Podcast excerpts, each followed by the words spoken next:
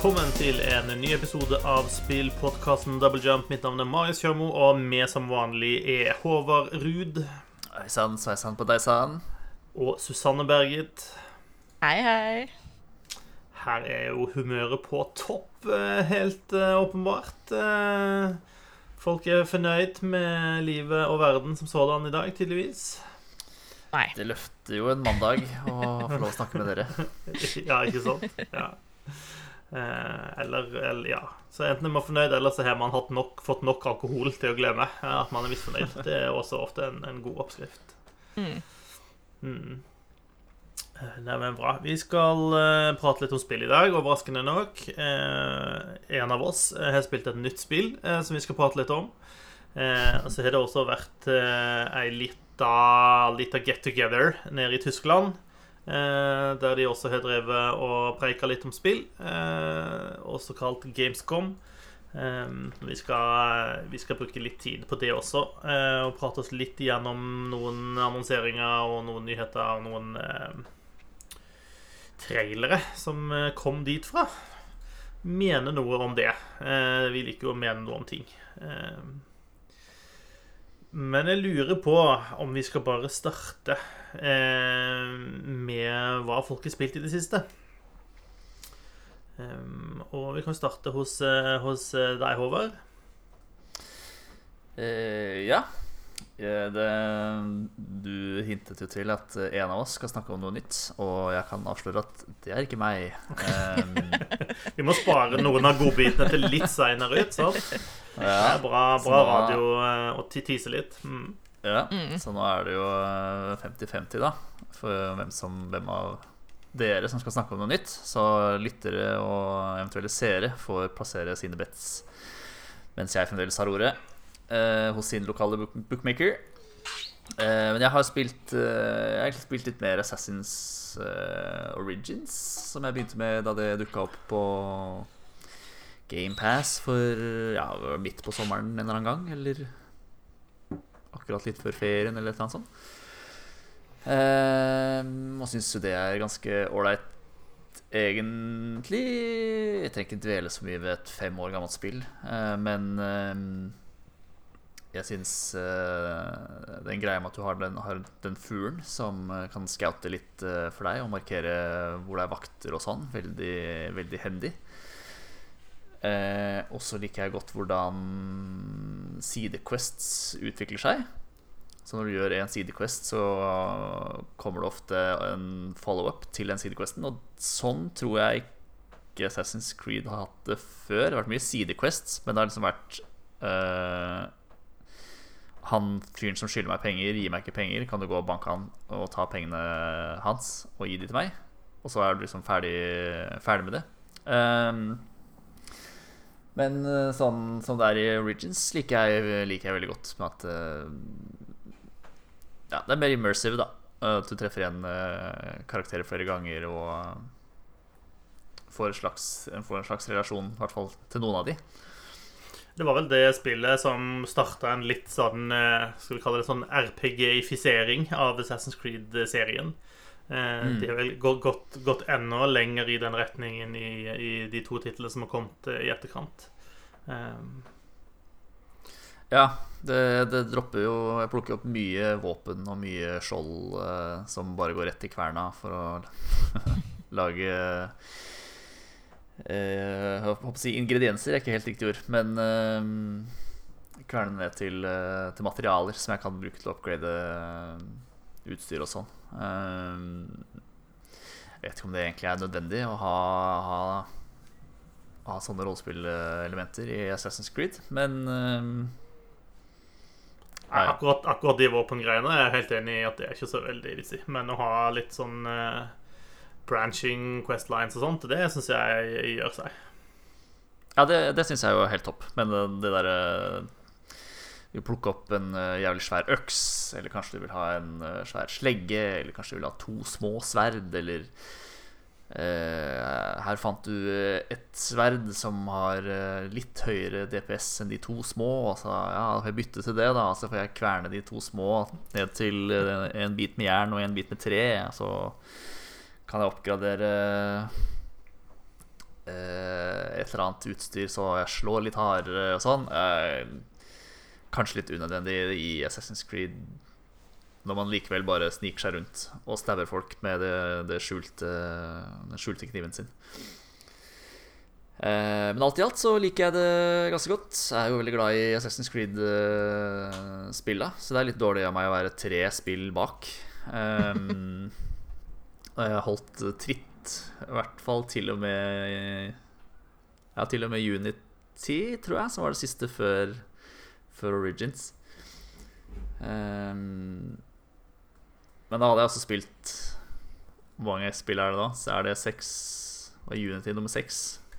Det kommer, an på, ja, det kommer an på hvordan du teller. For det er jo en del spill som er kommet ut som, som kanskje ikke regnes som en del av hovedserien, men uh, ja. Jeg tror Unity var, er nummer seks i liksom, av de hovedspillene. Um, så det var kanskje litt fatigue som uh, jeg trengte en seks års tid på å komme over. um, ja, men det er ålreit. Jeg må prøve å avvenne meg litt og bare spille Forza Horizon 5 hele tida. Um. ja, ja, det, det, er jo nok Assassin's Creed å ta av fremover, da, eh, for deg. Eh. Ja, er, de er vel ganske svære, de tre Origins, Odyssey og Valhalla. Så um, Ganske.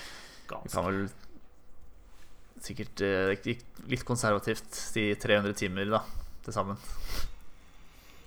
Ja, det kommer litt an på hvor uh, Altså Hvis du skal 100 da, så tror jeg nok du må legge mer enn det. Ja, ja jeg tror ikke jeg gidder 100 uh, men uh, litt main, eller main pluss litt ekstra. Jeg føler jeg har gjort mer sidequests enn mainquests, egentlig, men det, går jo framover likevel. Jeg trodde jeg var i ferd med å gå tom for ting å gjøre, men da hadde spillet en plan for å dra meg videre. Så da kom jeg til en ny sone. Der var det masse nytt å oppdage, og nye mennesker å møte og hjelpe og, og sånn. Så det Ja, jeg liker drivet, drive i spillet, for så vidt. Ja, men bra. Det er noen timer med underholdning foran deg der. Ja. Ingen, er nok ingen fare med det. Nei. Og da er det det du har spilt, utenom Forza Horizon, da? Uh, ja, jeg tror det. Uh, fullførte Way Out sammen med samboeren i, i helga. Det var uh, ja. ok. Virka ikke, så, virka ikke som det var så optimalisert for en Xbox Series X.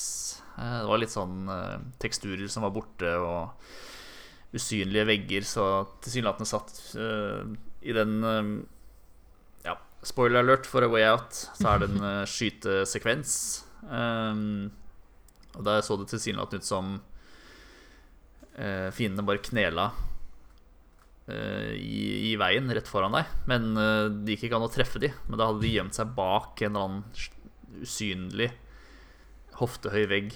Um, så vi fikk liksom ikke truffet de før de reiste seg Um, så det var litt sånne, litt sånne visual eh, bugs, men ellers gikk det jo Gikk det jo helt, eh, helt fint. Mm. Pussig opplegg. Ja, men Hva syns du om liksom, totalopplevelsen, da? Uh, jeg spilte det jo da det var nytt. Um, og jeg, liker det, jeg likte det jo egentlig ganske godt. Um, kul uh, plot twist på slutten der. Uh, som, uh, som, stikker litt. Man blir jo Man lever seg jo litt inn i det. Man blir jo litt Heier jo litt på I hvert fall på den karakteren du spiller, da. Uh, mm. Ønsker jo den, det beste, på en måte. Uh, og føler liksom du blir, blir litt kamerat med den figuren den andre spiller også. Uh, så den, uh, den backstabbinga på, på, slutten der er, er litt sår. Um, ja, den er kjip, ass. Den er det. Uh, Men så er det jo litt Så syns jeg sluttene Begge sluttene er egentlig ganske bra. Jeg syns kanskje Leo sin er eh, best. Det er jo to forskjellige avslutninger. Mm. Så det eneste jeg har å si, noe som kan trekke det spillet ganske mye for, er jo at den, både den, den nevnte skytesekvensen og eh, noen kjøresekvenser eh, som ikke er sånn spesielt bra. Det er veldig tydelig at dette er eh, ikke et kjørespill, og det er ikke et skytespill.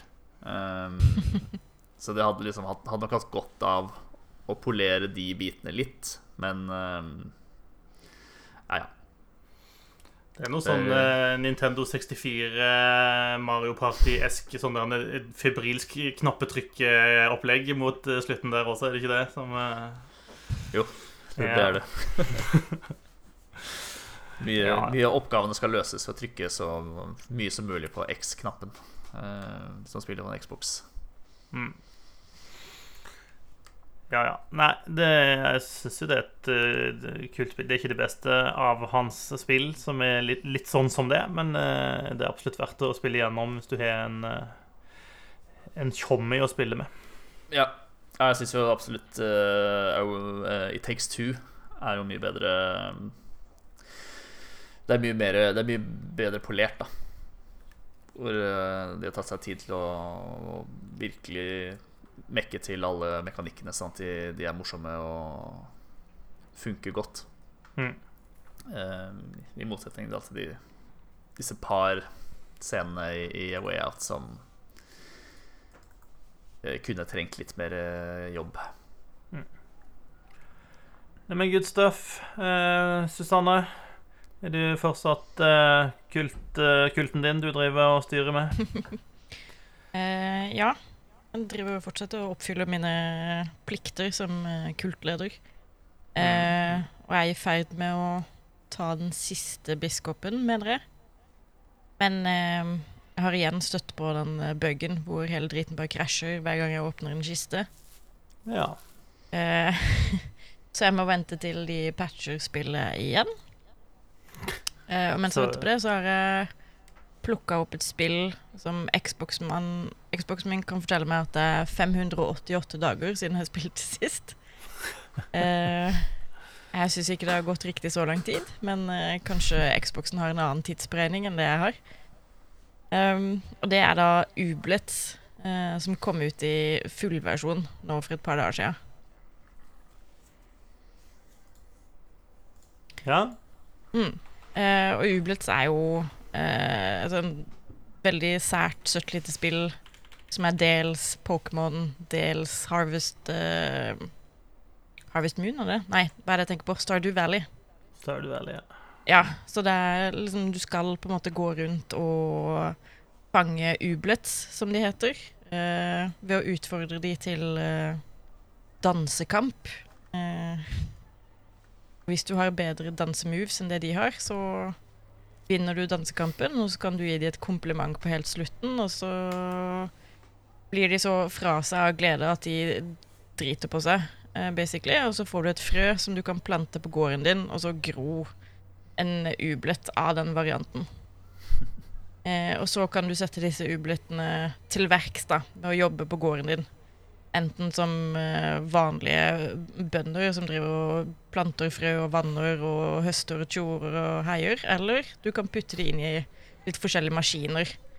Eh, du har en som heter The Crushler, som på en måte gjør eh, hvete om til mel. Da har du en annen, en Squishler, som gjør planter om til plantesaft. Og inni der sitter det liksom en ublett og jobber for hardlivet. Det høres, jo, det høres jo litt Cult of the Lamb ut, egentlig, dette her også. Eh, det gjør det. Så det var liksom en sånn perfekt eh, Ikke nødvendigvis en palette cleanser, for det er jo mye i samme, samme leia det går i, men den er ikke fullt så stressende, fordi du trenger ikke å slåss, du trenger bare å danse og chille og ha det kos. Eh, og så er det jo også en litt annen estetikk, da. Ikke fullt så mye eh, Satan og falske idoler og liksom brennende hodeskaller og sånne ting. Det er mer eh, Her er en liten flosshatt du kan gi til ubletten din så den ser fancy ut når den jobber på gården din. Kan du jo så klart uh, Alt du dyrker, kan du bruke til å lage nye ting. Disse tingene kan du selge. Du kan kjøpe ting så du kan fikse opp huset ditt sånn at det blir fint. Eller gården din. Eh, eller mekke nye ting så du kan utfordre nye Ublets til dansekamp. Eh, og jobber du hardt nok, så får du lov til å starte din egen lille butikk hvor du kan selge random crap. Eh, Drømmen. i, noen, I et utvalgt timer eh, hver dag. For å tjene Hva penger til å kjøpe mer crap til huset ditt. Hvordan opplever du at den eh, nå fulle releasen er, kontra det du har spilt tidligere? Mm, for det første så er jo det er jo mye mer spill. Uh, helt i begynnelsen, når jeg først plukka det opp, da var det jo i veldig tidlig alfa, holdt jeg på å si. Da var det jo bare ett område som du kunne bevege deg rundt i, og det var Badgetown, som er den byen du bor i. Uh, og nå er det kommet Da har de lagt til et par områder sånn etter hvert, blant annet et sted som heter Mamunia, og et som heter Nullware. Eh, men nå som hele spillet er ute, så har det også kommet opp eh, en plass som heter Port Forward, og eh, The Dirigible, og litt sånn små øyer du kan dra til når du finner en flaskepost som gir deg koordinatene til en øy hvor disse ubletsene drar på ferie for å chille. Hvor du også kan finne liksom spesifikke ressurser. Eh, og så er det generelt mye mer å gjøre i Badgetown. Eh, liksom, det har dukka opp mye nye ressurser, nye ting du kan plante, nye ublets, så klart, nye karakterer. Eh, det er en sånn storyline du på en måte kan jobbe deg sakte, men sikkert gjennom. Og det er bare masse sånne småting som gjør at det føles ut som et mye mer helhetlig spill, da. Um, det er så klart ikke fritt for bugs, fordi hvilke spill er det ved, ved release? Eh, men noen, eh, noen spill har flere bugs enn andre. Eh, som Cult Lamb eller eh, et hvilket som helst Betesta-spill. Eh, men akkurat i Ublet så er det én sånn To ganske irriterende bugs. Den ene er at den første gangen jeg gikk inn i denne butikken jeg kan åpne, eh, så fikk jeg ikke dra igjen. Fordi den påsto at, ja, fordi den påsto at det var fortsatt kunder igjen i butikken, og det var det ikke, fordi jeg hadde ikke åpna den engang. Eh, så jeg måtte liksom slå av og på spillet og slå av på maskinen, og så vente et helt døgn in game, og så prøve å åpne og stenge butikken igjen for å se om det da kunne dra, og det kunne jeg. Eh, Altså butikkversjonen av Hotel California, som eh, eh, ja. mm. Og så er det en annen bug hvor i Port Forward så er du nødt til å spille fem arkadespill og få highscoren på alle disse spillene for å kunne gå videre. Eh, og det er ett spill hvor eh, noen av delene ikke dukker opp. Sånn at uansett hva du gjør, så feiler du hver gang du spiller. Eh, og jeg vet at utviklerne jobber med saken. Eh, men jeg har ingen idé om hvor lang tid det kommer til å ta heldigvis så er det liksom en workaround, for de har på en måte lagt inn en sånn La oss kalle det en accessibility feature, hvor istedenfor å spille alle Arkadespillene Jeg syns det er ganske vanskelig. Jeg har fått Odd til å gjøre tre av de for meg. Etter ganske mange forsøk selv hvor jeg holdt på å fly i taket fordi det var så jævla irriterende. Og han er liksom Han er yngre enn meg, så han har også bedre reaksjonsevne, og det trenger du i disse arkadespillene, hvor det er mye sånn Det ene er basert på Flappy Bird, det andre er basert på Snake, og så er det to sånne Her skal du løpe og unngå hindre i veien. Eller her skal du løpe og helst løpe inn i så mange hindre som mulig, bortsett fra det ene hinderet som du ikke greier å se på avstand. Eh, og jeg liksom Jeg er ikke bygd for det. Jeg greier ikke å få med meg noen ting. Eh, det er Litt greier eh, a young person's game, rett og slett. ja, det er definitivt a young person's game. Uh, jeg er ganske sikker på at de som har lagd dette spillet, er sånn ti år yngre enn meg. Uh, og ikke, ikke ta hensyn til oss gamlinger som liker søte og trivelige ting. Uh, men de har lagt til en, en workaround, da, så du kan finne en karakter i Port Forward og bestikke de til å bare hacke alle arkademaskinene, sånn at navnet ditt kommer på toppen av high score-listene. Det koster litt penger. Eh, det koster litt penger, så du, du får jo på en måte en del spilltid ut av det, fordi du må liksom må drive butikken din, og du må dyrke og tjoe og heie for å tjene Hvis du skal hacke alle maskinene, så tror jeg det er 1500 gummies Eh, og det tar en stund å få tak i. Så det er liksom ikke Ja, det er en snarvei, men den er ikke så snar, på en måte. Eh, den er mer for folk som bare ikke greier å få til arkadespillene. Mm. Så jeg eh, så meg nødt til å bruke denne snarveien da, for å bare hacke highscore-lista til det spillet som faktisk ikke funker. For det er liksom, jeg har ikke sjans til å klare det. Selv om jeg visste hva det gikk ut på. Det gjør jeg ikke, fordi det, Ja, det, det gjør jo ikke som det skal. Nei. Uh, og så har jeg greid ett arkadespill selv. Yay. Eh, og de andre tre har Odd Karsten fiksa. Ja. Så nå er, liksom, nå er jeg på vei videre. Det er kult. Men bortsett fra det, så er det liksom a good Bare- time. Ja, ja, ja, det er kjempetrivelig. Eh, og jeg storkoser meg, rett og slett. Bra. Mm. Det er så godt, godt. Um, var det noe annet du hadde vært uh, borti siste tida? Eh, ja, jeg har liksom spilt type fem minutter med Jojo's Bizarre Adventure All Star Fighting Game R, eller hva faen det heter. Eh, som da er et slåssespill eh, basert på Jojo's Bizarre Adventure. Eh, for de som ikke vet det, så er det kanskje den mest ekstra eh, animeen eller mangaen eh, som fins i hele verden. Den er helt eh, sprø. Eh, og det er også russespillere, så klart. Eh, du, jeg tror du kan spille med nesten alle karakterene som er med i animeen hittil. Eh, og så er det liksom noen sånn finurlige mekanikker hvor hver karakter har en, liksom, en skygge eller en eh, en player 2 da, som kan gjøre liksom, ekstraangrep og hjelpe deg under kampen. Og så er det også um, environmental obstacles på de forskjellige banene. Type det kommer ekstra fiender og lander på spesifikke plasser, eller ting ramler ned, eller banen går i stykker, eller sånne ting. Um, og så er det jo liksom fra det, så er det jo trykk på masse knapper og se hva de gjør. Håpe at du får til noe.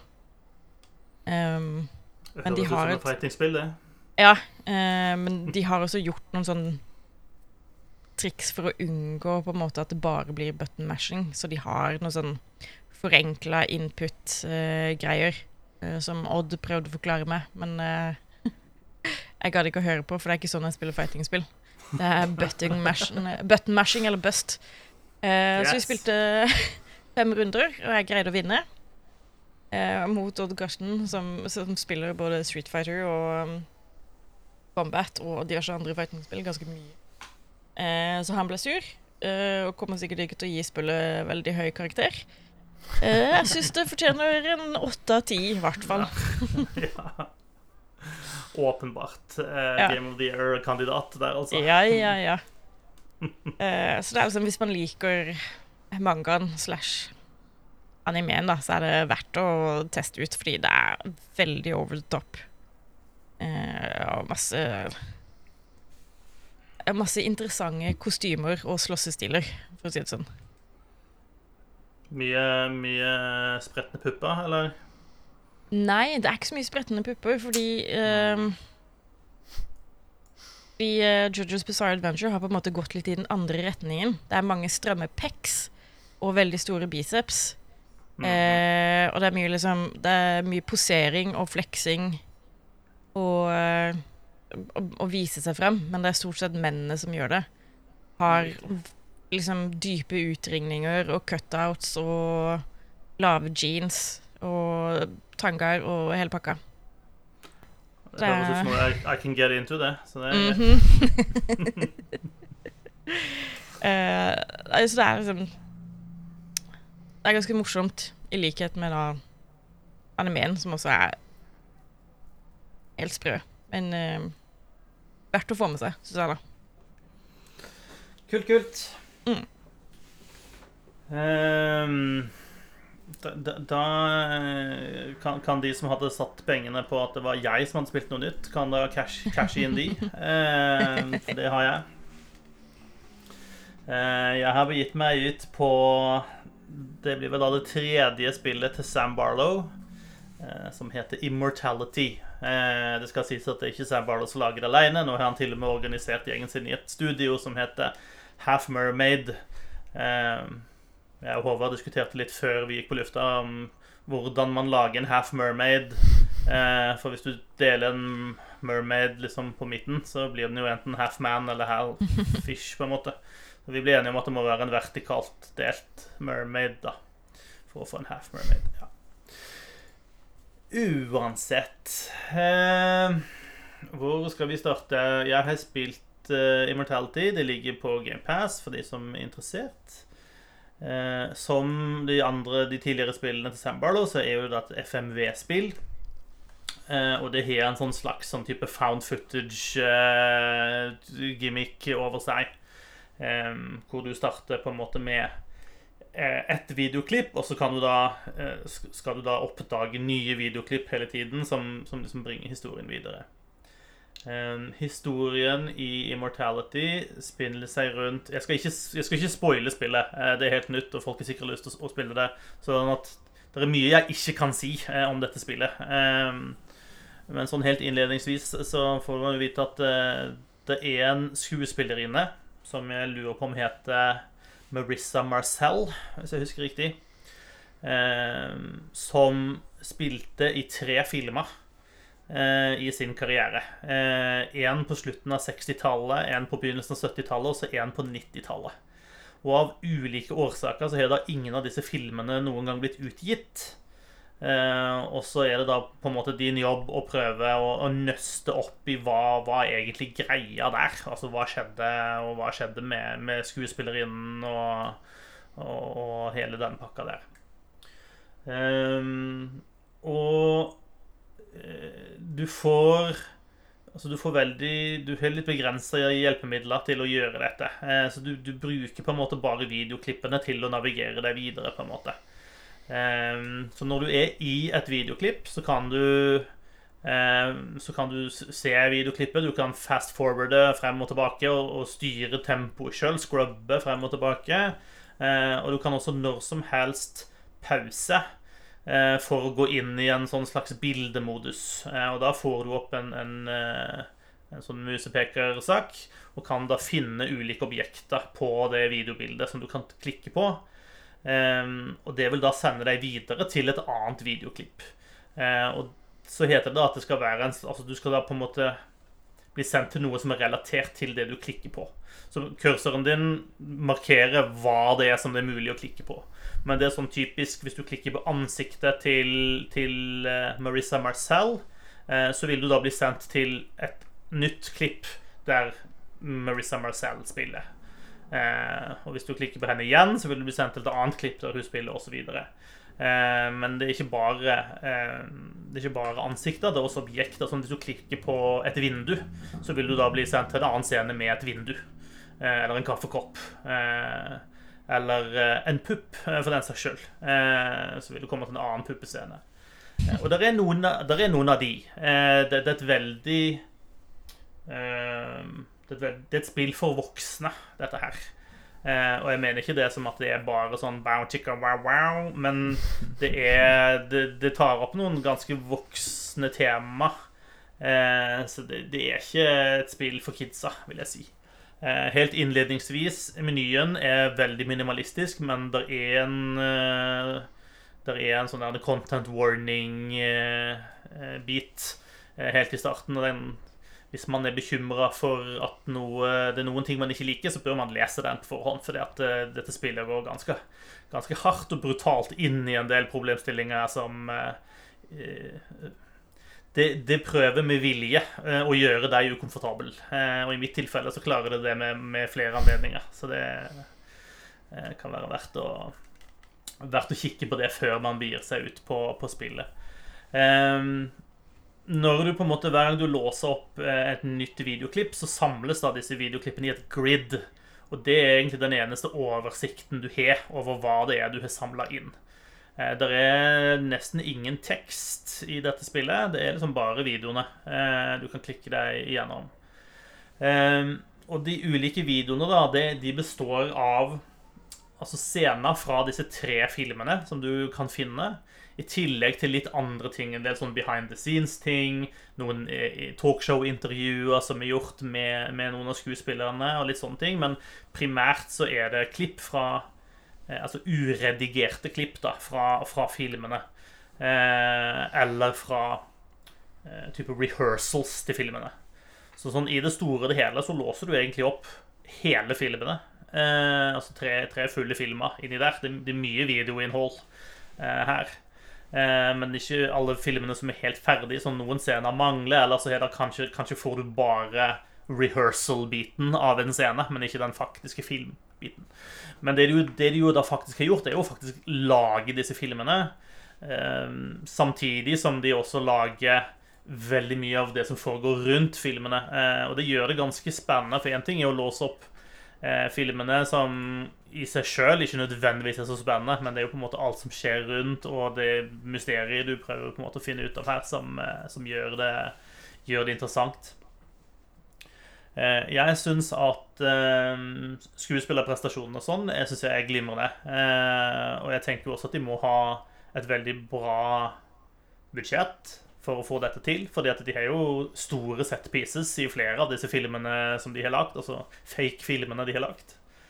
Um, det syns. De har også gjort en veldig god jobb i både teknisk og liksom tonemessig i å prøve å fange liksom, filmene som de, de fake-filmene de har lagd fra 60-, 70- og 90-tallet. Uh, ehm, så det føles som, som gode sånn time pieces, uh, selv om de er fake.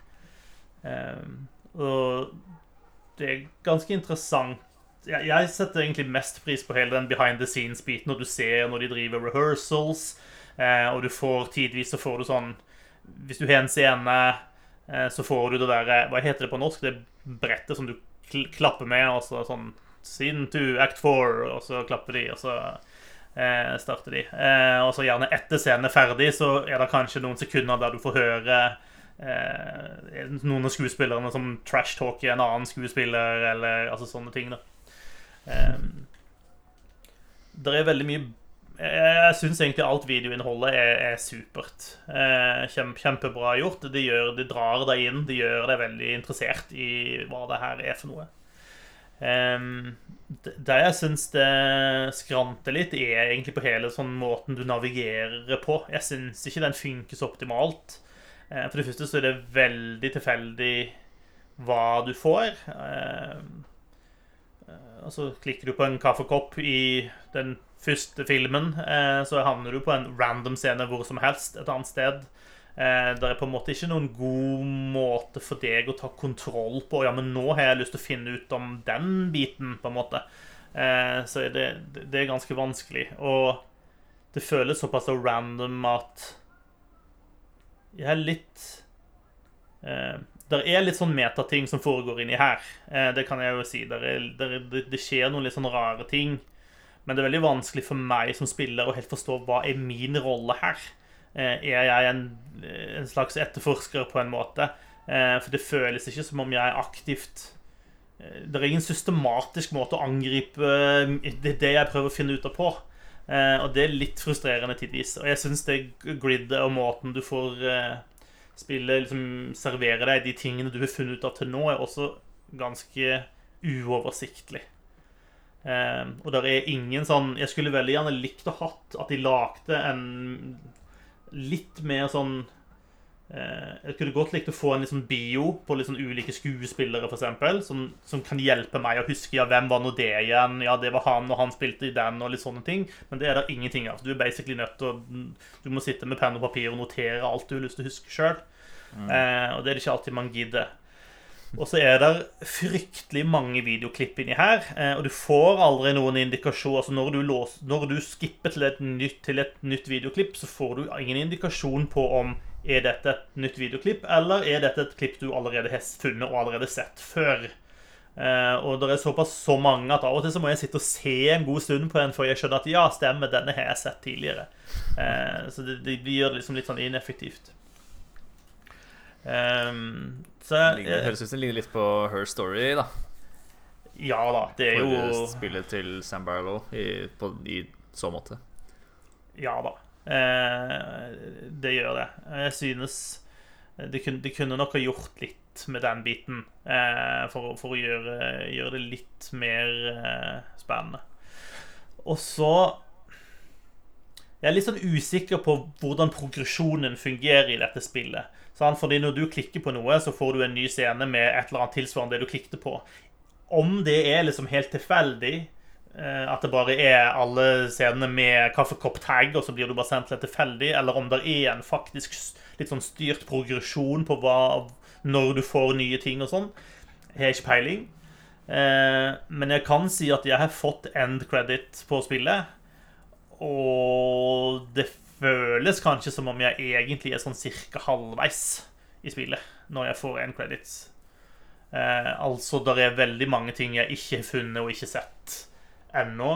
Og jeg er, jeg er ikke 100 sikker på om jeg har skjønt egentlig hele mysteriet eh, helt ennå. Eh, jeg, liksom, jeg har skjønt en, det hva det går i, men jeg føler ikke at jeg helt har alle puslespillbitene på plass ennå. Så det føles som om jeg på en måte, selv om jeg har fått en credit, så må jeg inn igjen i spillet og herje rundt mer for å klare å få ordentlig forståelse for hva, hva greia er, da. Eh, og om det er by design eller ikke, ikke anelse. Eh, men, men, jeg syns det føltes rart, for det føltes som om her er the ending ferdig. Eh, og så får du en credit, og så får du tilbake til menyen, og så sitter jeg liksom og føler at jeg mangler veldig mye, da. Um, som kanskje kan tyde på at den progresjonen kanskje ikke er så styrt som den mm, kanskje burde vært, på et vis. Um, og det virker som om det er litt sånn tilfeldig eh, når du oppdager litt sånn forskjellige ting i, som, i dette mysteriet du prøver å løse, da. Eh, og at kanskje ikke Min opplevelse var i hvert fall at uh, no, ikke alle bitene kom i den rekkefølgen det kanskje burde, uh, for, for, å skjønne det. Um, det er vel kanskje den Altså, jeg har vel aldri opplevd en historie fortalt så delinjært uh, noen gang som dette. for du sitter jo i praksis og, ser tre filmer basert på Altså i helt tilfeldig rekkefølge på de ulike scenene du får. I tillegg til at den jo hopper mellom de tre filmene konsekvent, altså hele tida også. Um, så, så, det er liksom mye å holde styr på i hodet samtidig. Um, så jeg er litt sånn torn på, på hvor godt jeg likte det. Eh, fordi jeg, jeg, jeg all, Altså, alle filmene er kule på sitt vis. Eh, blir, jeg blir investert i noen av skuespillerne og på en måte hvordan ting foregår on og off screen. Eh, og hele det ja, hva som skjer rundt der. Eh, og mysteriet er interessant eh, å finne ut av hva i alle dager dette er for noe. Eh, men det er noe med, med, med, UI og hvordan på en måte dette blir presentert, og hvordan man navigerer og sånn, som, eh, som jeg skulle likt var annerledes, rett og slett, for å, å få maks ut av, av, det de har lagd. Eh, så, så liksom det føles som om noen deler av spillet er liksom ti av ti og er helt strålende og gir en kjempegod opplevelse, og så er det andre ting som holder spillet litt tilbake. Da. Jeg tror det er kanskje det beste jeg kan si om det. Mm. Eller beste måten jeg kan forklare det på. Ja. Ellers skal jeg ikke gå, mer, eh, gå noe mer inn i, eh, i eh, mysteriet som foregår her. Men det, det skjer ting i dette spillet. Det gjør det. Så jeg blir litt satt ut noen ganger, for å, for å si det mildt. Så, og ja, det er et spill som hvis du har barn, eller kanskje du har familie, så er det litt sånn Der er noen sexscener der de lager ganske mye lyd, f.eks. Eh, kan være greit å skru ned volum litt eh, av og til, hvis ikke du vil liksom, lukke vinduet eventuelt. Eh, ja. Eh, så ja, det er mye Det er en del sex og nakenhet og blod, og ikke all sexen er helt frivillig, og det er ja, mye, mye slike ting. Eh, som, alle, alle, disse tingene blir stort sett håndtert på en god måte, men det er litt eh, Ja. Det, det, er lenge siden jeg har tenkt at nå må jeg skru ned lyden på dataspillet, for hva i alle dager skal naboene tro, liksom. Uh, ja. tror, tror jeg gir meg der. Altså tror jeg at vi må komme tilbake til dette spillet når flere av dere har har spilt det. Så enten, enten om det blir til, til Game of the Year-sendinga mot slutten av året, eller om vi må ha en spoilercast eh, på dette spillet. Vi får se hva dere syns når dere har kommet eh, så langt. Det er lenge siden vi har gjort Ja. Spoilercast. Ja. Det er definitivt et spill jeg føler behov for å prate med folk om hva i alle dager det jeg har vært gjennom. For det, Ja. det skjer rare ting her. Ja. Ja, jeg skal gå og laste den ned når vi er ferdige. her. Good, på good stuff. nedlasting. Det var det. Ellers her kan jeg bare kjapt nevne at jeg har vært innom det nye brettet som blir gitt ut til Hitman 3. Ambrose Island. Det er et kult brett. Det er verdt å ta turen tilbake til Hitman 3 for å spille. Det er, her er det pirater, og det er eh, ja, undergrunnshemmeligheter å finne eh, på det nye brettet, eh, som er ganske stilig. Eh, og der er, du kan skyte med gamle kanoner, og ja, det er mye artig og mye show og spas på Ambrose Island, så det, det var verdt å sjekke ut. Det var ganske, ganske moro. Eh, så et godt, et godt brett, syns jeg. Eh, jeg tror vi skal hoppe til Gamescom og nyhetsspalten vår. Ehm, det ble jo servert eh, egentlig en god del nyheter og nye trailere og litt sånn nye annonseringer og sånt. Ehm, og vi kan jo eksempel starte med Dead Island 2 som én ting. Tenk det. Ja. Det er jo Når var det det ble annonsert, da? Det Sånn Åtte år siden 2014, tror jeg. 2014? Ja. Mm. Eh, Men nå, nå, nå kommer det. Eh, og det skal komme i 3. februar eh, 23. Ja, vi kom vel med noen spådommer når det gjaldt Dead Island 2 i forrige sending, gjorde vi ikke det? Jeg tror det når jeg ser det. Ja. Men vi fikk en trailer som var for så vidt kul nok, den. Eh, Og det skal visstnok være seks spillbare karakterer. eh, og det ser ut som du skal rundt og drepe zombies. Eh, så kan jo sikkert være kult, det. Vi får se. Når vi får se mer eh, gameplay. Men eh, det er jo en nyhet i seg sjøl at det faktisk er et spill som skal komme ut. Eh, tenker jeg. Mm. Ja. Ja, det var jo litt eh, gameplay som ble vist, men eh, det går jo, det går jo i zombieslakting Det gjør det. med diverse, diverse våpen. Uh, Dune Awakening uh, Som da er et åpen åpen verden survival MMO-spill fra eh, er, det, er det Funcom som lager dette sjøl? Ja, jeg tror det. Ja. Mm, ja, jeg tror det. Det er vel uh, Hva skal jeg si Jo, jeg tror det. Spesialiteten til Funcom å lage den type spill, så de Mm. har vel tatt det på egen, uh, egen kappe. Mm. Ja, og de har jo fått, uh, sikkert fått mye erfaring gjennom Conan Exiles til liksom, sånn type survival-spill og sånt.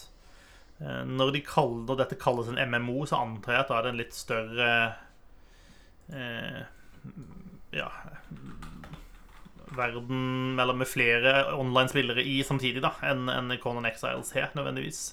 Mm. Um, som for øvrig Conan Exiles fikk også nettopp en svær ny utvidelse. Og, altså, den, den driver de fortsatt og jobber på med, for all del. Men Dune June er jo en veldig kul verden å skulle lage noe i, så dette kan jo potensielt bli veldig kult. Um... Ja, men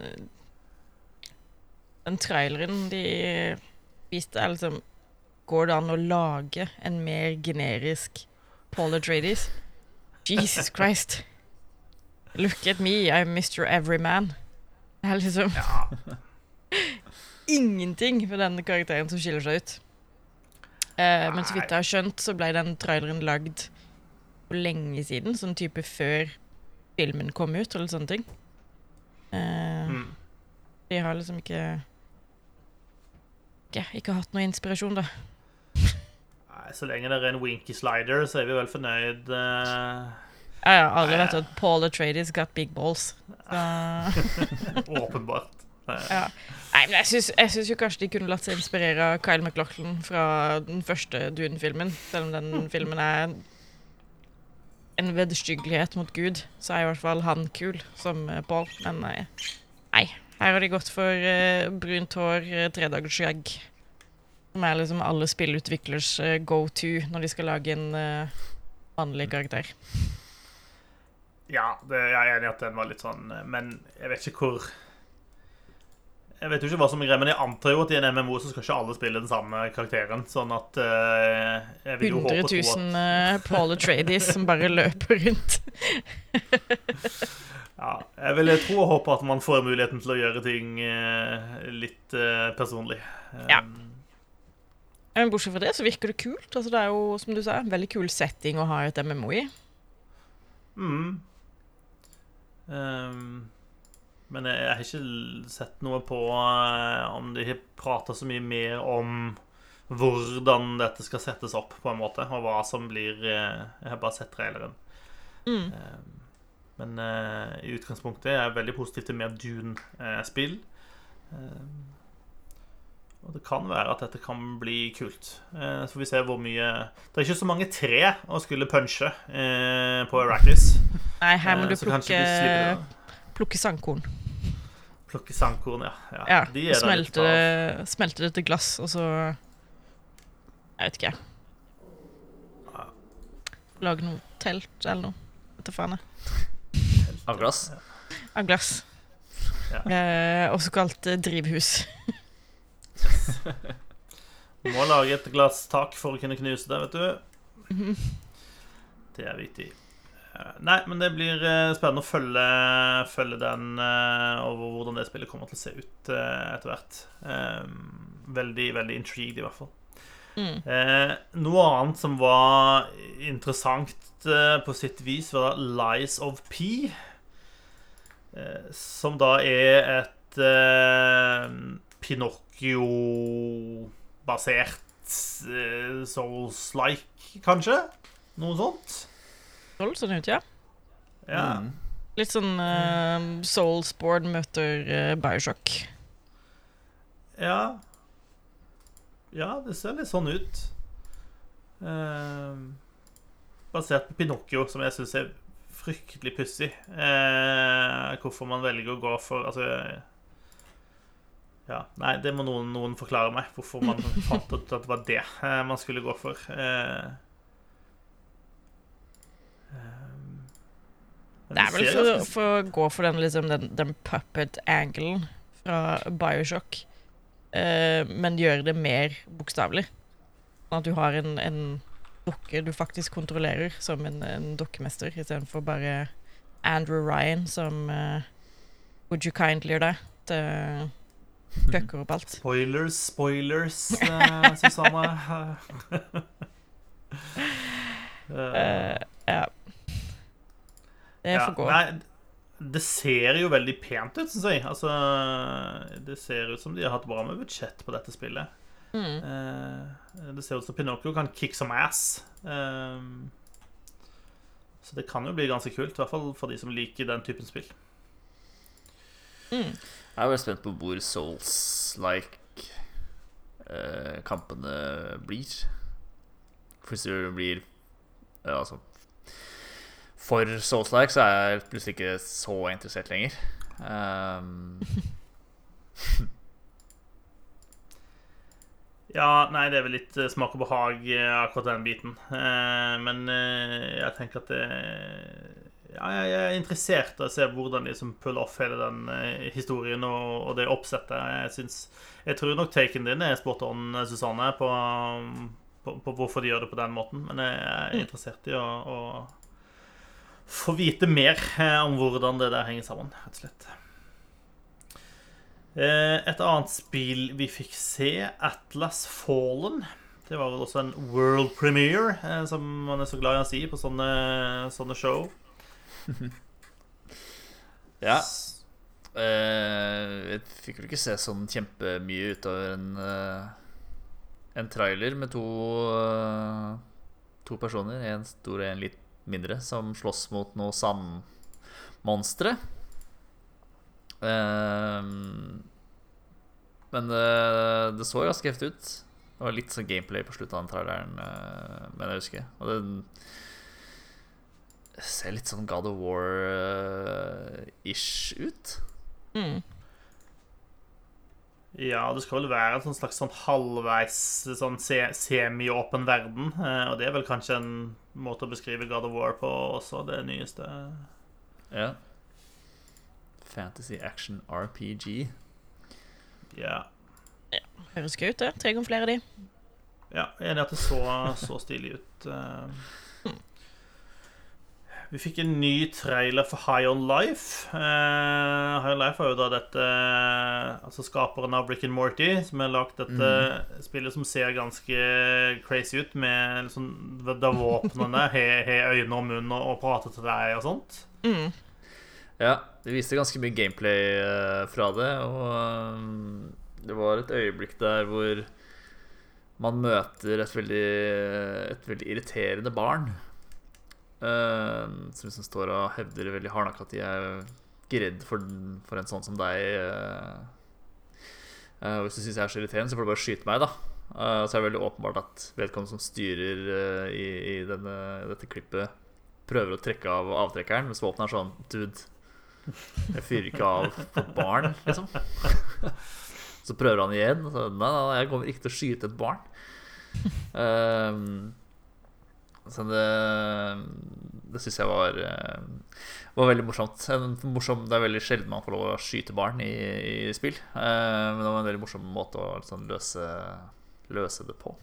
Mm. Eh, Når, når skal vi få lov til å leve ut fantasien med å drepe alle de irriterende kidsa? Det, Jeg tror Hvis du modder GTA Online, så tror jeg du står ganske fritt til å gjøre det du vil. ja, det fins nok eh, killable children mods til Skyrim også, så det er alle, alle muligheter i det. Eh, fra High On Life så fikk vi også se Det var en sånn boss fight vi fikk se også. Eh, Som også hadde en del sånn kule eh, sånn dialoger mens bossfighten går. da Hvor mm. disse våpnene da åpenbart kommenterer på hva det er den bossen du slåss med, gjør, og hvordan den bedriver ting og sånt, som er, virker ganske festlig, egentlig. Eh, et, det virker som et ganske kult konsept, da. Eh, for de har jo på en måte skjønt at det i et eh, first person shooter-spill så er det jo våpenet er jo stort sett det som er på skjermen, og det du ser. Og det å gjøre våpnene til karakterer syns jeg er et glimrende grep. Så Mm. Ja, det ser kjempegøy ut. Uh, og litt sånn ubehagelig når du sikter. Uh, så trykker på den venstre triggerknappen, som det vanligvis er, for å sikte nøyere. Så får du liksom øynene til våpenet rett i glaninga. yeah. Så det ser, det ser jo litt ubehagelig ut igjen, da. Men eh, nei, jeg gleder meg veldig til, eh, til High On Life. Det virker kjempegøy. Jepp. Um, er det noen av dere som har skjønt hva Everywhere er for noe? Jeg hadde håpet at du eller eh, at en av dere hadde skjønt det. ja. Welcome to my TED Talk. Eh, nei, altså eh, Det er vel en av disse tidligere Rockstar-folkene som har gått ut og starta sitt eget selskap, eh, og nå holder på med et prosjekt, skal vi kalle det som heter Everywhere. Ehm, som hele tiden blir beskrevet som et veldig ambisiøst prosjekt, uten at vi helt får vite hva det er. Men det, det ser på en måte ut som det er et, et spill med mange forskjellige spill i seg, eller et eller annet sånt noe. Eh, Ja, traileren- så traileren så ser jo litt bilkjøring, og det ser litt sånn Fortnite-aktig skyting Eh, Ja, det er liksom noe moderne, og plutselig er det noe sci-fi, og så er det noe ikke så moderne Ja. Det, det er litt sånn hva, hva er dette for noe? Men det skal vi liksom ikke få vite ennå. Jeg trodde det var noe NFT-greier involvert også, var det ikke det? Det var vel i hvert fall noen som Jeg har ikke fulgt det så nøye, men jeg mener på det var noen som hadde avdekka at det var en eller annen sånn kryptogreie som i hvert fall hadde investert i dette selskapet. Eh, men jeg har ikke sett om det er noen sånn direkte kobling til selve spillet. Men det Det kan det jo være, men det er ikke noe jeg har sett noen sånn direkte pressemeldinger om, i hvert fall. Så I don't know hva i alle dager det er for noe. Men det er tydeligvis noe å følge med på, da. Og det skal angivelig komme til neste år. Så Mm. Det bare virker litt uh, det, Jeg vet jo ikke hva det, sånn helt hva det skal være, da. Det virker jo litt risky å liksom favne om for mye på en gang. Men uh, alt Som en sovesofa, hvor alt er liksom bare helt medium. Ikke er den, ikke er den spesielt god å sitte i, og ikke er den spesielt god å ligge på. ja. Fuck sovesofa er taken uh, vår derfra. Mener jeg. Ja. Nei, vi får se. Vi får vel vite noe mer etter hvert. Men uh, ja uh, Sunn skepsis foreløpig, vil jeg vel kanskje si. Eh, vi fikk annonsert et nytt eh, New Tales from the Borderlands. Eh, For de som husker Telltale-serien fra Borderlands fra tidligere, så kommer det da en ny en av de. Eh, Det er vel så tilbake til 2015 at eh, Tales from the Borderlands kom. Og her introduserer de da tre nye karakterer som ja, skal save the world i Borderlands. Og spillet kommer i oktober, så det er ikke så langt unna. Mm. Eh, skulle dette også være episodisk? Eh, det tror jeg ikke jeg helt fikk liksom med meg eh, om det skulle. Jeg tror ikke de sa noe om det, men eh, jeg, ser, jeg ser jo for meg at det kommer til å være det, liksom. Ja. Det kan godt, godt være. Så når, når de sier at spillet kommer i oktober, så betyr det at da kommer første episode i oktober. Ja. Ja, vi får se. Som lever, får se. I hvert fall. Eh, jeg spilte det aldri, eh, men jeg vet at det ble veldig godt mottatt. Eh, og var veldig populært og ble en som et av de bedre av de Telltale-spillene generelt. Så ja, altså det første Borderlands Telltale-spillet var skikkelig bra. Mm. Eh, og den hadde en veldig kul historie som ga det her et litt bedre innblikk inn i livet til Handsome Jack, eh, blant annet.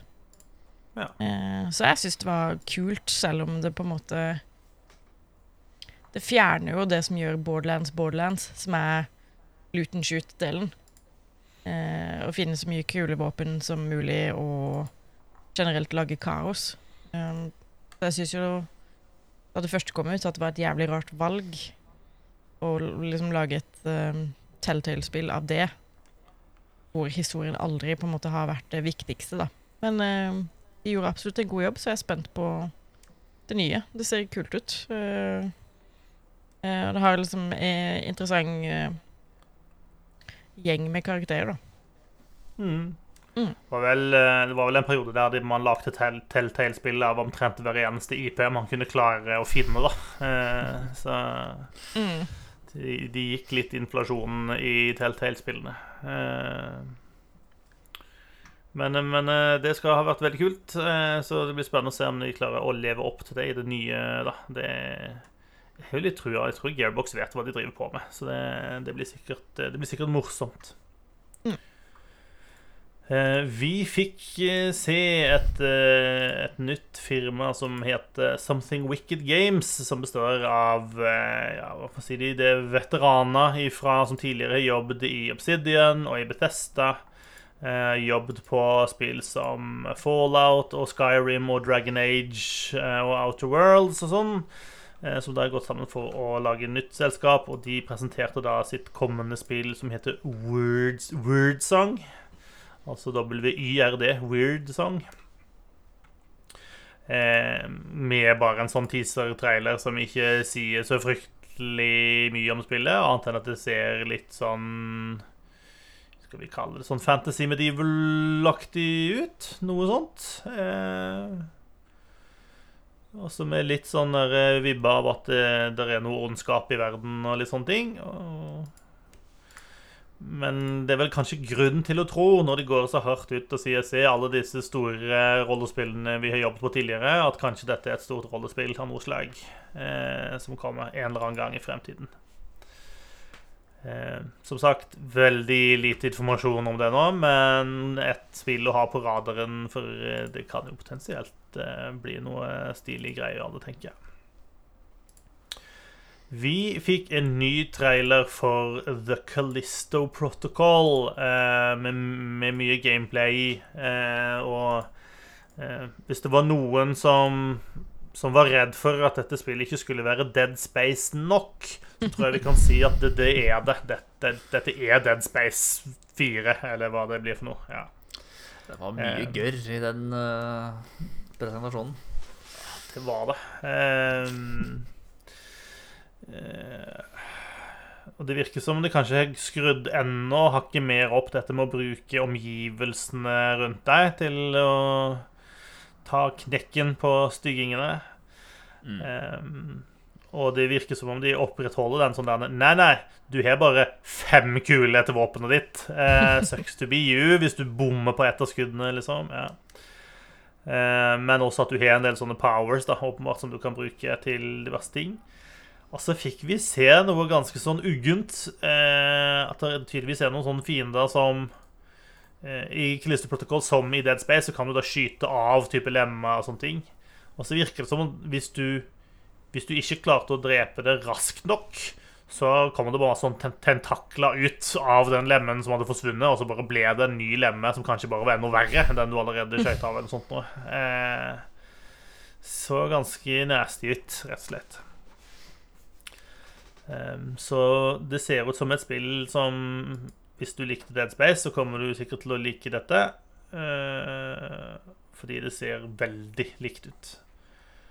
Eh, det ser ut som om jeg kommer til å ha veldig farlig høy puls eh, når jeg spiller det. ja. Eh, det, ser, det, ser, ut som et spill eh, Odd Karsten må spille på vegne av begge to. ja. Vegne av husholdningen? Ja. Noen ganger er det bedre å sitte i passasjersetet enn å sitte bak rattet. Sånn er det bare. Mm. Eh, et annet spill vi fikk se en del mer av, var Gotham Nights. Um, og jeg vet ikke hva dere tenker, men jeg begynner å bli litt gira jeg, for Gotham Nights. Nå er det jo ikke så langt unna. De har vel til og med skjøvet frem slippdatoen bitte litt også. Nå skal det komme 21. Um, jeg vet ikke, Det er bare timinga at jeg føler at jeg er litt sånn på leten etter et uh, nytt, uh, litt sånn stor, uh, litt sånn halvveis åpen verden-spill. Um, men Ja, jeg tror jeg er klar for et nytt uh, si Batman-spill, bare uten Batman. da. ja, jeg syns det, det, ser ut som de fanger den Hva skal jeg si, mye av essensen, i hvert fall, da, i de Batman Arkham-spilla. Med veldig sånn flytende slåssing og, og den type ting. Ja, og så syns jeg traileren ser kul ut. Altså, der er, der er kule karakterer med her. Eh, det ser ut som det er mye stilige cutscenes. Eh, de, de, prøver liksom å gjøre ting litt stort, ser det ut som. Eh, jeg tror jeg kan sette pris på det. Mm. Det ser, det, ser, det ser, gøy ut. Det ser ut som en sånn bra actionflikk, på en måte. Så mm. Nei, jeg ser rett og slett frem til å få, få prøve meg eh, i Gotham Nights. Uh, vi fikk en ny trailer for Return to Monkey Island. Uh, det spillet ser jo veldig koselig ut.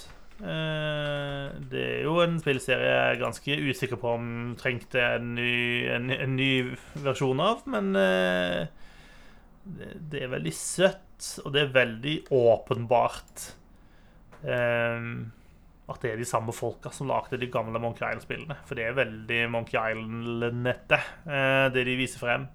Med akkurat den samme humoren, og det føles sånn den grafiske stilen er åpenbart eh, gått i en annen retning enn, enn det de har gjort før, men utover det så føles det veldig som eh, back to the good old days, på en måte.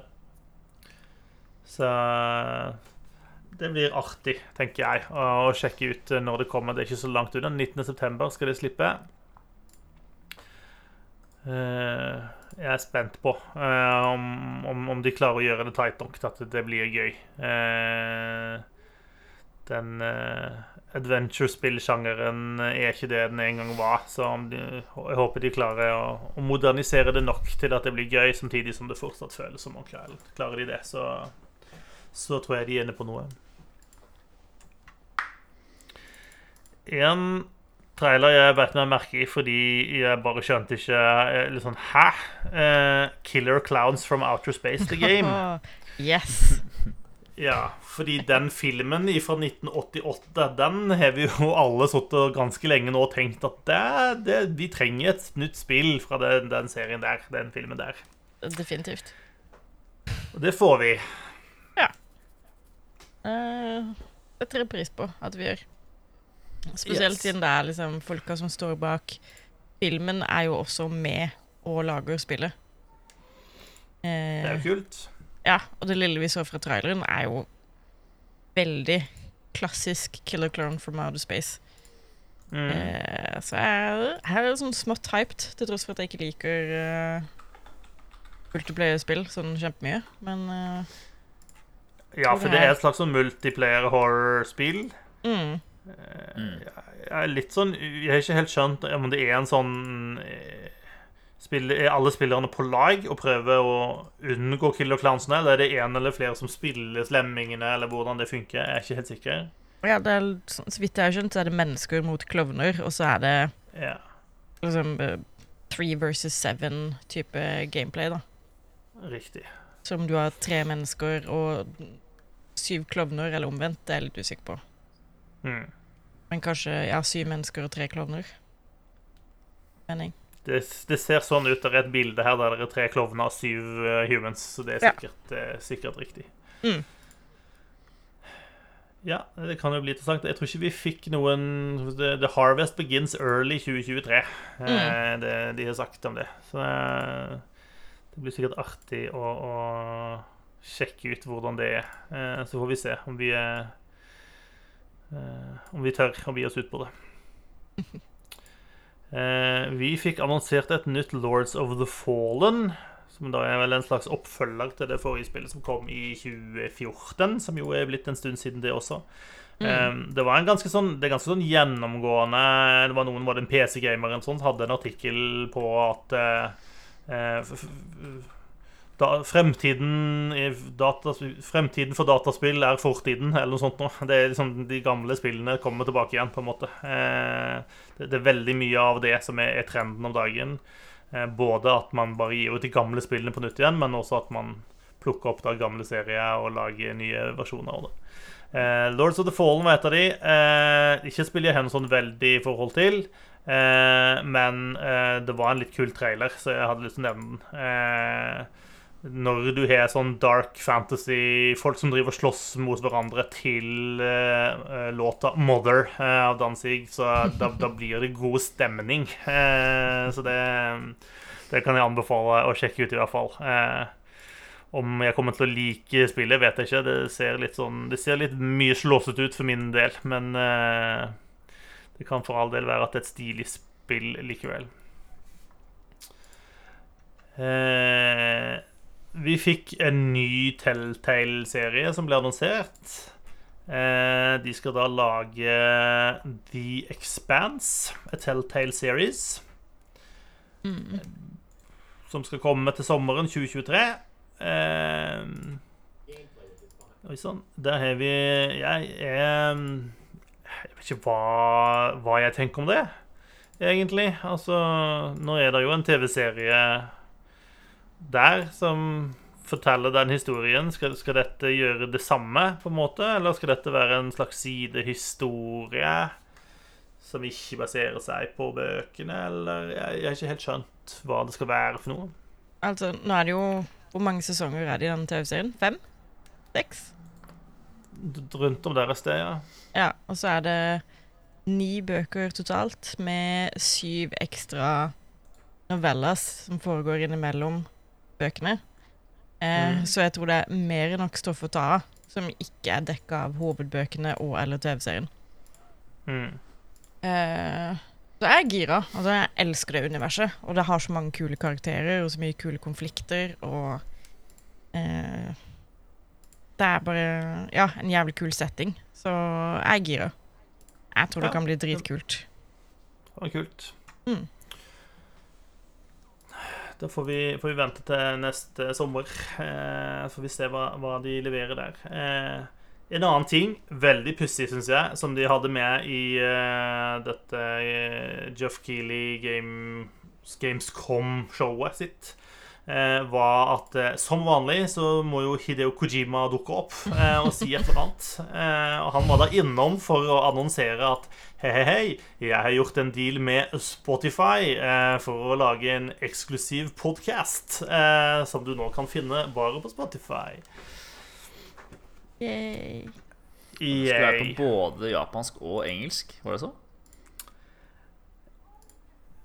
Jeg vet ikke, er det han som prater engelsk? For hans engelsk er ganske slitsom å høre på. Jeg vet ikke om jeg orker å høre en podkast med Hideo Kojima som prater engelsk eh, i timevis.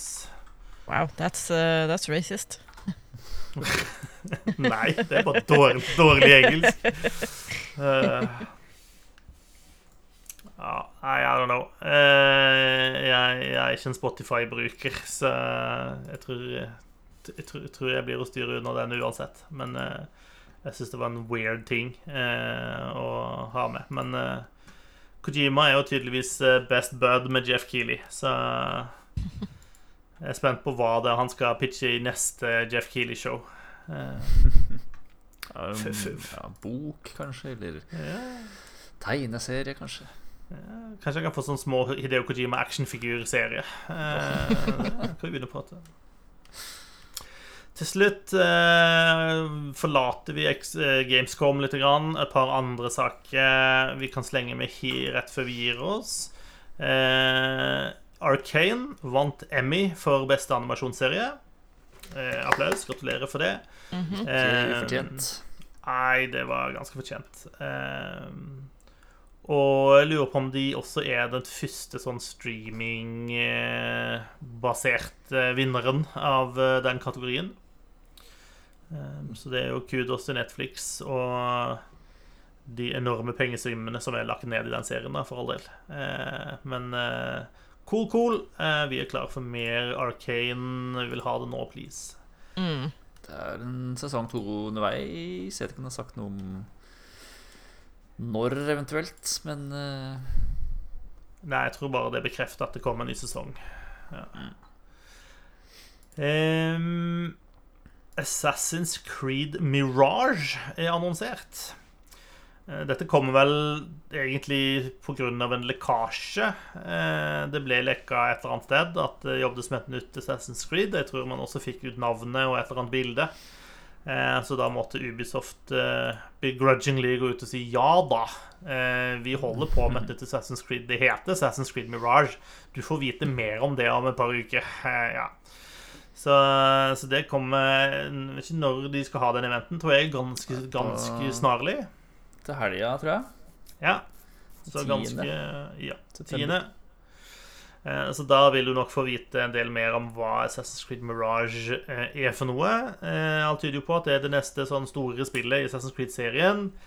Eh, Jeg leste et eller annet sted om at man mente at det nå skulle, de skulle skalere det litt tilbake igjen. Gå vekk ifra. Det er litt sånn eh, Sånn som vi pratet om tidligere, de litt sånn rollespillbitene. At de skulle man ta ut igjen av serien og gå litt mer tilbake til røttene av serien.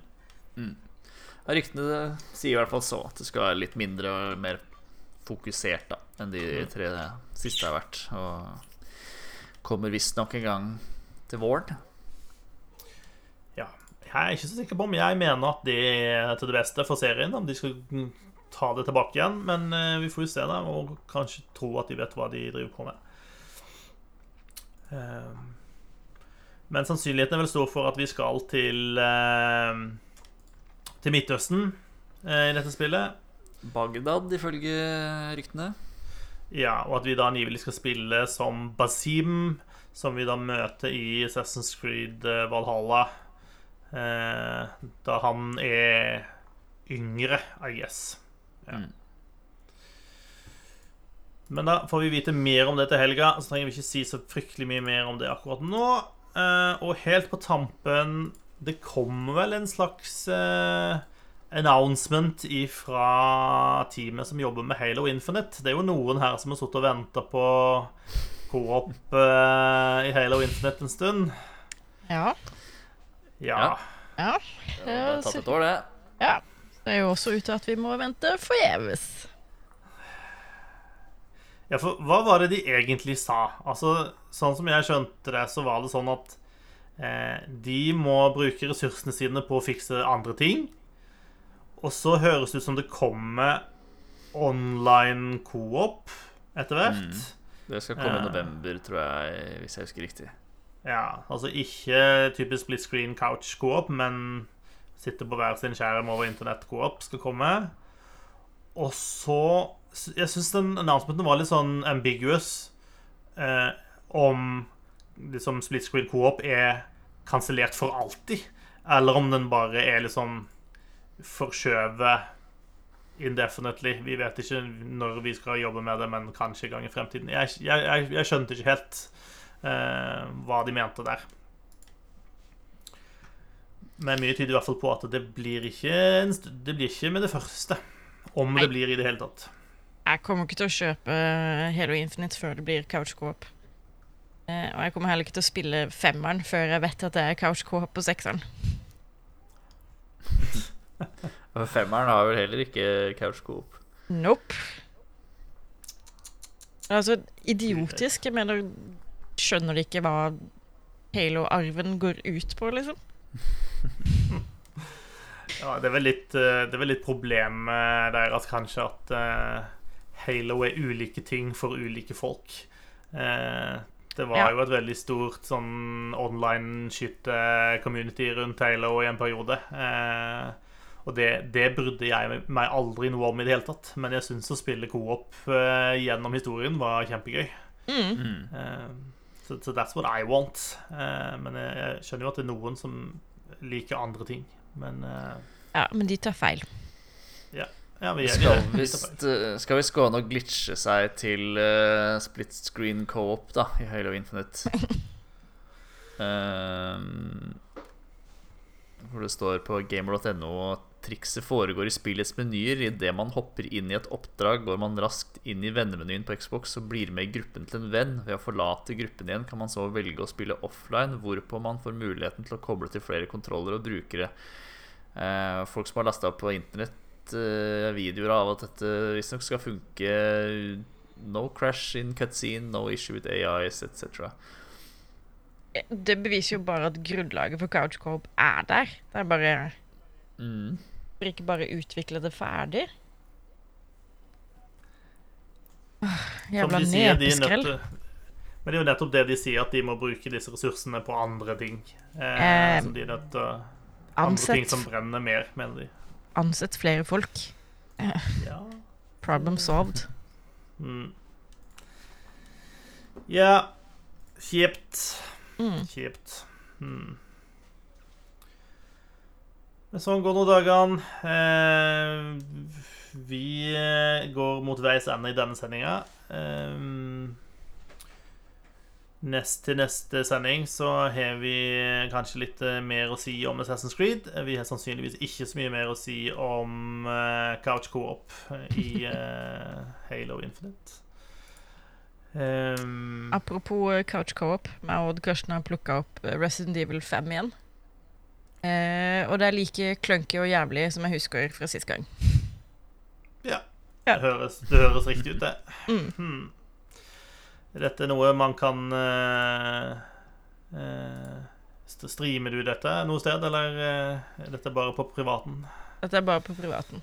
Jeg spiller okay. du på PlayStation 5. Hmm. Så forhåpentligvis så får jeg fullført det denne gangen. Jeg tror det er det spillet jeg har spilt flest ganger og aldri fått spilt ferdig fordi det skjer en sånn idiotisk faens drittglitch helt på slutten. Fing- fing- Fingers crossed. Ja. Eh, dette og mer i neste episode av Double Jump. Eh, Takk for at du var med oss eh, fra meg, Håvard og Susanne. Eh, eh, det er alltid artig å være her med dere, om det er live på Twitch eller om eh, du lytter til oss eh, via podkasten. vi er tilbake om en eh, 14 dagers tid. Hei så lenge. Ha det. Bye!